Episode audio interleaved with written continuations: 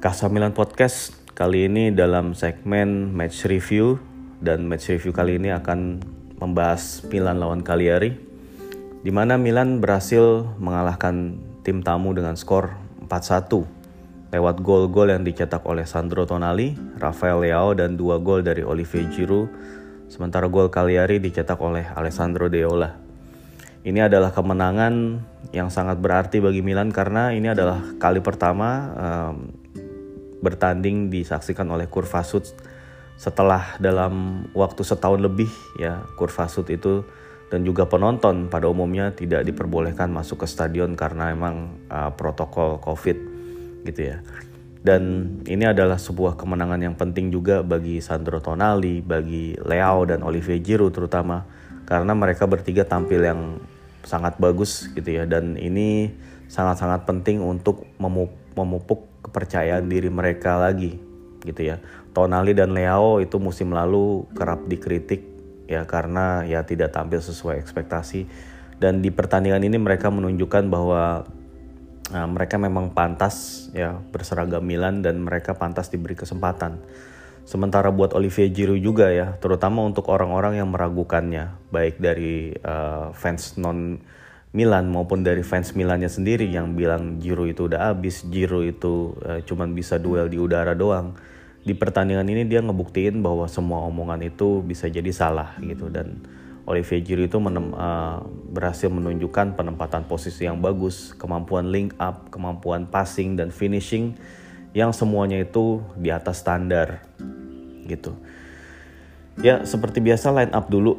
Stefano Pioli menurunkan tim yang sama persis ketika menghadapi Sampdoria dengan Rade Kronik dan Tonali uh, ada di tengah sisanya juga sama gitu ya dengan formasi 4-2-3-1 yang pada prakteknya itu lebih mirip seperti 4-3-3 juga gitu. Terus kemudian uh, pelatih Leonardo Semplici di kubu di kubu Cagliari itu menurunkan formasi 4 eh sorry 3-5-2 dengan Radunovic sebagai penjaga gawang, trio backnya Luca Cepitelli, Carboni dan juga Diego Godin sebagai kapten. Lalu kemudian dua wingbacknya si Nathan Andes dan Dalbert, trio gelandangnya Kevin Strootman, Alessandro Deola dan juga Rasvan Marin dan dua penyerangnya João Pedro dan juga Leonardo Pavoletti. Um, kalau dari sisi taktik sebetulnya Semplici ini menginstruksikan untuk cukup ngepres ya, tapi tidak ngepres seperti halnya yang Sampdoria lakukan di pekan lalu. Jadi memang masih ada space ya yang di, bisa dimanfaatkan pemain-pemain Milan terutama dari wilayah kanan dan kiri ya, di mana di situ Nathan Nandes uh, kerap um, dihadapkan dengan Leao dan juga Theo ya, atau di kanan Selemakers dan Calabria itu mengepung Dalbert. Itu sering banget terjadi. Dan di sini pemain-pemain Milan sudah sangat improve dalam hal uh, crossing ya. Dalam hal um, ya melakukan umpan-umpan dari kiri ke tengah membawa bola ke tengah lalu kemudian uh, mengirimkan bola ke depan ya itu umpan-umpan dari pemain-pemain Milan itu kemarin sangat smooth gitu ya passing akurasi Milan itu kemarin ada di angka 90%. Dari sekitar 500-an total passing yang dibuat berarti kan ada sekitar 400-an yang akurat. Ini emang, emang ngebuktikan sebuah tim yang sangat-sangat solid dan cepat mainnya dan sangat-sangat bagus dalam build up. gitu.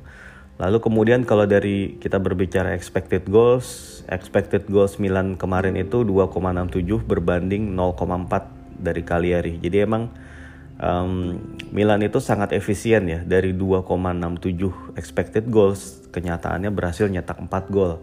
Artinya ini adalah tanda dari efisiensi.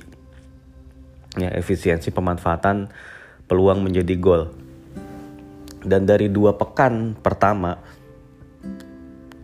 expected goalsnya Milan itu 3, sekian 3,6 kalau nggak salah sementara gol yang dicetak itu udah 5 jadi um, perbandingan gol dan expected goalsnya itu masih lebih banyak gol yang dicetaknya. Ini pertanda sebuah tim yang bermain efektif. Ya Milan juga melepaskan 18 tembakan dan 5 di antaranya tepat sasaran. Dari 5 yang tepat sasaran, 4 di antaranya jadi gol. Artinya ya paling ya sedikit lagi Milan perlu membenahi tendangan-tendangan yang uh, tidak menemui sasaran. Tapi memang sekalinya menemui sasaran ya itu gol dan big chance Milan itu ada empat ya dan semuanya itu berbuah gol. Ya. Uh, dari menit-menit awal Milan juga udah mengancam itu pertama uh, dari kiri ya memang dominan sisi kiri itu kembali menjadi hidup ketika Theo Hernandez itu tampil baik ya. Dari sebuah umpannya Theo itu kemudian bola di flick oleh Olivier Giroud dan Leao itu bebas ya di kotak penalti dan tinggal berhadapan sama kiper. Tapi karena Leao itu terlalu lama ya akhirnya bola itu di sliding tackle oleh si Carboni sehingga menghasilkan corner kick ya. Itu sayang banget padahal itu Leao bisa membuka skor.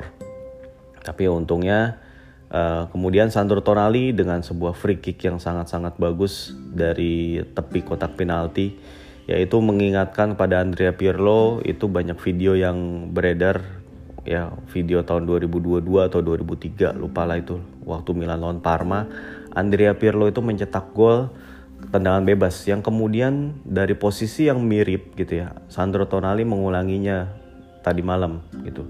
Ini uh, bikin orang jadi teringat perbandingan uh, Pirlo dan Tonali lagi gitu ya. Walaupun itu sebetulnya nggak perlu sih membanding-bandingkan atau kayak the next the next the, the next anu the next itu gitu. Ya biarkan aja si pemainnya itu berkembang dengan dirinya sendiri dengan uh, menjadi dirinya sendiri gitu. Nah kemudian um, sebetulnya di awal-awal menit-menit awal menit kedua aja itu Olivier Giroud juga udah dapet peluang setelah menerima umpan silang dari si Sailmakers tapi sundulan Olivier Giroud itu masih terlalu tinggi gitu ya. Nah, terus akhirnya uh, setelah mencetak gol pertama yaitu Milan sebetulnya sempat dikejutkan Cagliari ya. Jadi ada bola yang apa uh, diumpan dari samping dari sisi kiri disundul oleh pemain Milan namun clearance-nya itu jatuh di kaki Joe Pedro. Lalu kemudian Joe Pedro dengan cerdik ya, uh, bukannya dia nembak tapi dia malah ngirim umpan lambung dan kemudian disundul dengan baik oleh Deola. Itu bola sempat ditepis oleh Mike Mignon tapi itu nggak bisa mencegah terjadinya gol dan akhirnya seri. Nah ini cukup berbahaya sampai di sini sebetulnya karena Cagliari itu menunjukkan mereka bisa ngasih perlawanan yang berarti itu. Tapi ya setelah itu Milan memang tidak berhenti untuk melakukan tekanan. Ya Milan itu terus bermain dengan cepat, ngalirin bola cepat terutama dari kiri ya. Dengan Brahim yang mainnya hidup banget, yang biasa memulai pergerakannya dari kiri, jadi bersama Theo dan juga Leo dan kebetulan emang mereka mereka akur banget gitu, mereka saling umpan dan gak ada salah paham gitu dan akhirnya dari skema-skema itu lahirlah gol dari Leo ya itu emang umpan-umpan yang berasal dari Theo, Leo dan juga eh Theo, Brahim dan juga Leo gitu. Sampai akhirnya kemudian uh, Leo dan Brahim itu uh, berandil dalam gol kedua di mana tendangan dari Leo itu membentur punggungnya Brahim.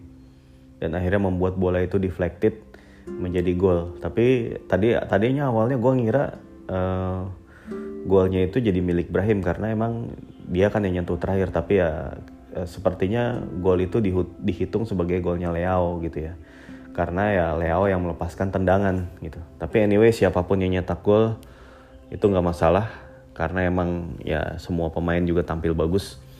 Dan akhirnya ya kalaupun ya golnya itu jadi gol milik Leo itu bagus juga buat confidence-nya dia gitu.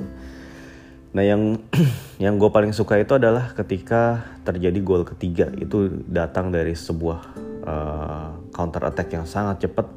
Bola uh, berhasil direbut oleh uh, si Theo di wilayah pertahanan Milan. Dan Theo dan si si Theo itu lari dengan cepat banget ya dari belakang ke tengah. Ya terus dia ngasih umpan ke Brahim dan Theo itu uh, juga berlari. Kemudian dia minta bola gitu. Dan berlarinya Theo itu ke arah kotak penalti itu membuat para pemain belakang Cagliari itu mengawal dia. Dan itu akhirnya membebaskan Olivier Giroud sendirian. Dan Brahim tanpa buang-buang waktu dia memberikan umpan sodoran kepada Giroud dan Olivier Giroud dengan finishing yang sangat-sangat presisi gitu ya dengan kaki kirinya ke tiang jauh. Itu berhasil mengubah skor jadi 3-1 ya terus kemudian Milan juga nggak kendor ya uh, di babak pertama. Setelah skor 3-1 pun masih berupaya untuk mencetak gol lagi. Dan akhirnya gol itu datang ya di menit ke-30-an lupa gue menit ke berapa ya itu tendangan Brahim dari luar kotak penalti itu dihalau dengan sikut oleh si Kevin Strootman dan akhirnya itu berbuah kartu kuning. Tadinya itu wasit akan memberikan tendangan bebas sedikit di luar kotak penalti tapi setelah dicek VAR ternyata kejadian handsball itu uh, ada di dalam kotak penalti dan akhirnya itu penalti di, diberikan dan Olivier Giroud dengan stylenya yang seperti biasa nembak memang ke arah pojok kanan gawang ya itu berhasil naklukin si Radunovic. Sekalipun si kiper berhasil menebak dengan benar tapi karena tendangannya itu kencang dan juga ke pojok itu susah untuk ditahan. Gitu ya ya setelah skor 4-1 babak pertama usai kemudian di babak kedua memang tempo permainan itu sangat-sangat turun gitu ya Milan tidak lagi terlalu mengejar gol gitu ya tapi ya emang ya bermain possession aja bermain aman dengan menguasai bola dengan umpan-umpan pendek. Di sini peran dari Rade Krunic emang sangat-sangat besar di sini ya dalam uh, menjaga tempo, dalam mengalirkan bola dengan umpan-umpan yang simple. Bahkan Rade Krunic juga sekali-sekali uh, berhasil menjadi pemutus serangan lawan gitu. Dan Tonali di sini juga udah sangat-sangat berkembang dan dia udah uh, bisa ngedribble, dia bisa melakukan passing, dia juga bisa melakukan shooting gitu ini uh, sangat berkembang dan Pioli juga bilang bahwa uh, sesudah pertandingan ya ini Sandro Tonali adalah pemain yang sudah jauh berkembang dibandingkan dengan musim lalu ya ini adalah emang sebuah pengakuan yang emang pantas diterima oleh Sandro atas kerja kerasnya. Terutama juga karena dia bersedia gajinya dipotong demi untuk tetap stay di Milan. Gitu. Terus uh, kemudian ya di menit-menit ke 70 ya itu seperti biasa Pioli melakukan pergantian pemain. Florenzi, Ante Rebic dan juga Benacer itu masuk menggantikan um, Selemakers, uh, Leao dan juga si Tonali. Itu itu uh, mereka sangat main bagus Selemakers lumayan Tonali bagus dan juga Leao juga bagus. Gitu ya. Digantiin oleh pemain yang lebih seger gitu ya. Florenzi menurut gue main cukup safe. Ya nggak dibilang impresif banget nggak tapi dia cukup safe untuk menjaga di wilayah kanan dan menjaga supaya Milan itu tetap megang bola dengan kemampuan passing-passingnya dia. Ya. Ismail Benacer juga sepertinya terus berusaha untuk uh, dia mencapai match fit lagi dan ketika Benacer itu di lapangan dia itu bisa bertindak sebagai playmaker dan Kronik itu bisa jadi lebih naik ya. Terus sementara Ante Rebic ya seperti biasa Rebic being Rebic ya. Dan beberapa kali ya dia dapat peluang tapi ya memang agak sulit untuk ngelepasin tendangan. Dan ada satu peluangnya setelah melakukan kombinasi dengan Olivier Giroud tapi tendangannya itu nggak memenuhi sasaran. Seperti halnya ketika pas lawan Sampdoria kemarin tendangannya juga melebar. Ya mungkin Rebic itu baru bisa ngegolin pada saat uh, timnya itu under pressure uh, adrenalin tinggi ya pertandingan yang menentukan itu baru Rebic bisa nyetak gol. Tapi kalau dalam pertandingan-pertandingan seperti ini di mana Milan itu udah hampir dipastikan menang dan tinggal ngejaga skor kayaknya agak sulit gitu ya tendangan Rebic itu bisa masuk gitu kali ya. Ya mungkin yaitu nanti Rebic baru nyetak gol di bulan Januari mungkin ya tapi semoga aja enggak lah gitu. Kita butuh anti Rebic yang stabil sepanjang musim sehingga dia harusnya kalau dia stabil sepanjang musim dia tuh bisa nyetak lebih dari 20 gol uh, dalam semusim. Gitu. Um, terusnya pemain lain yang masuk kemarin itu Daniel Maldini dan Samu Castillejo di menit-menit akhir. Dan khusus Samu Castillejo juga ini sangat apa ya uh, ada kejadian yang sungguh disayangkan. Yang mana Samu itu menonaktifkan akun Twitternya dia. Itu karena dia menerima banyak sekali ucapan-ucapan um, kebencian ya hinaan-hinaan yang seperti menyuruh sih menyuruh dia itu untuk segera uh, keluar dari Milan, segera menerima tawaran apa pun yang masuk untuk dia. Karena ya beberapa kali uh, tawaran sempat kabarnya masuk tapi Samu memilih untuk stay. Dan ini sangat menghambat uh, Milan dalam membeli pemain-pemain lain yang ya dari uang penjualannya Castillejo itu ya bisa dipakai untuk pemain lain yang lebih berguna gitu. Ya ini memang terlepas dari situasi seperti ini ya dari Samu yang uh, semakin menurun dan juga tidak memenuhi ekspektasi, gajinya juga tinggi. Ya tapi tetap uh, kalau soal abuse atau uh, kebencian-kebencian yang diarahkan kepadanya itu sangat-sangat tidak uh, tidak tepat gitu ya. Ini kita nggak bisa melakukan hal ini kepada pemain yang profesional seperti Samu. Dia tetap uh, dia tetap uh, bersikap profesional, berlatih keras. Dia juga nggak pernah ngeluh, nggak pernah yang tengil kayak gitu.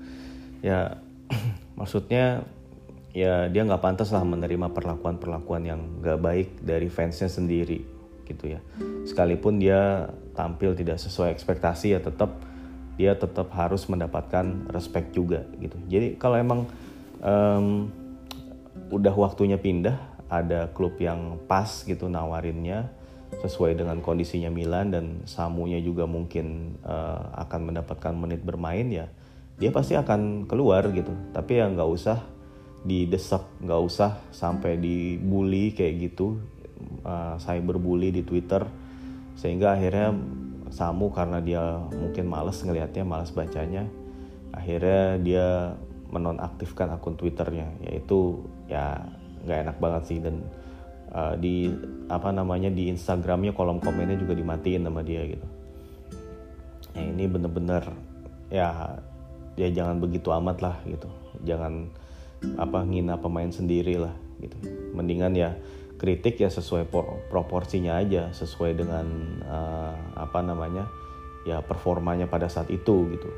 Ya, tapi ya jangan mengarah ke kebencian-kebencian atau dengan menggunakan kata-kata yang gak enak gitu.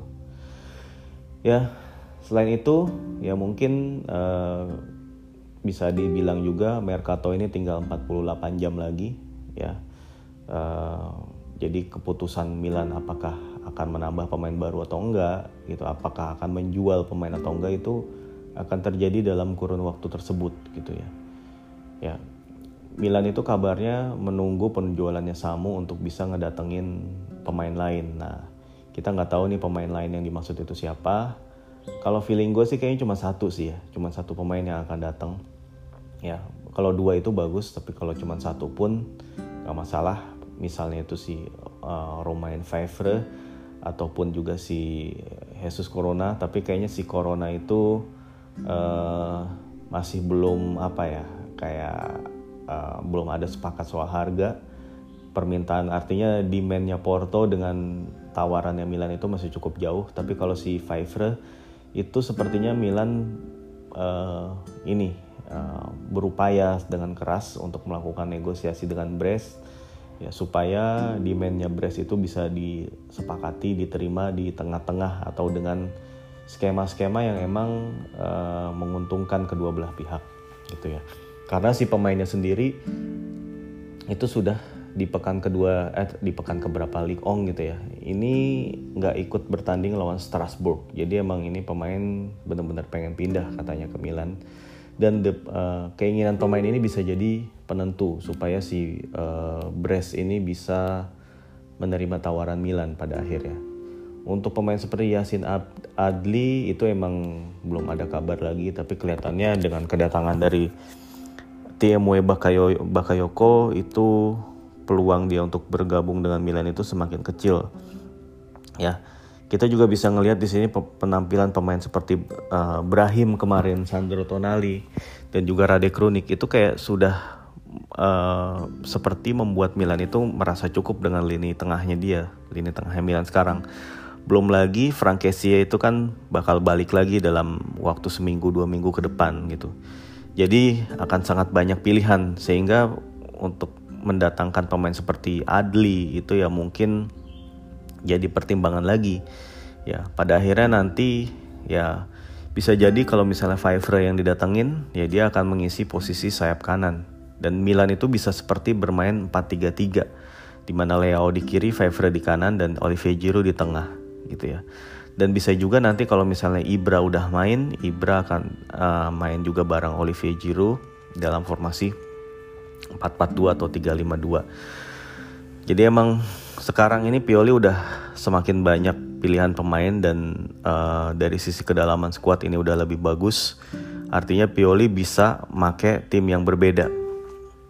Jadi nggak ngandelin tim yang sama terus. Jadi uh, semoga yang terjadi di musim lalu di mana Milan itu sempat bagus di putaran pertama, tapi terus kemudian anjlok di awal-awal putaran kedua, ya dan baru kemudian bangkit lagi di akhir-akhir itu nggak nggak menjadi storyline Milan uh, musim ini gitu semoga lebih stabil aja, lebih stabil sekaligus juga mencuri-curi kesempatan di uh, kompetisi Liga Champions.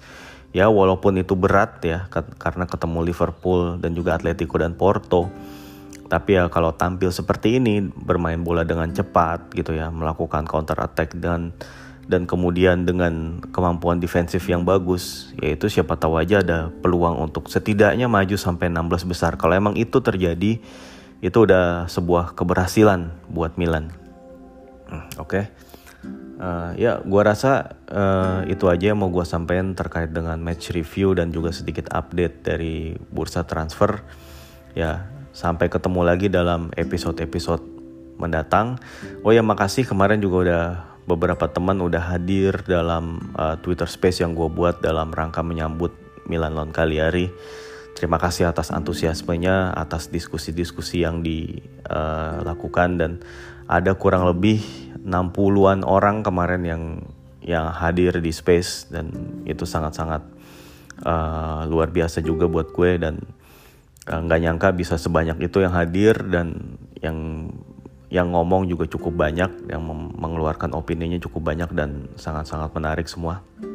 Oke, okay. uh, mungkin lain kali kita akan bikin space lagi kalau misalnya ada big match kali ya ya mungkin ya pas Liga Champions juga bisa uh, oke deh sekali lagi terima kasih udah dengerin Kasamilan Podcast mohon maaf atas segala kekurangan dan sampai jumpa lagi dalam episode selanjutnya ciao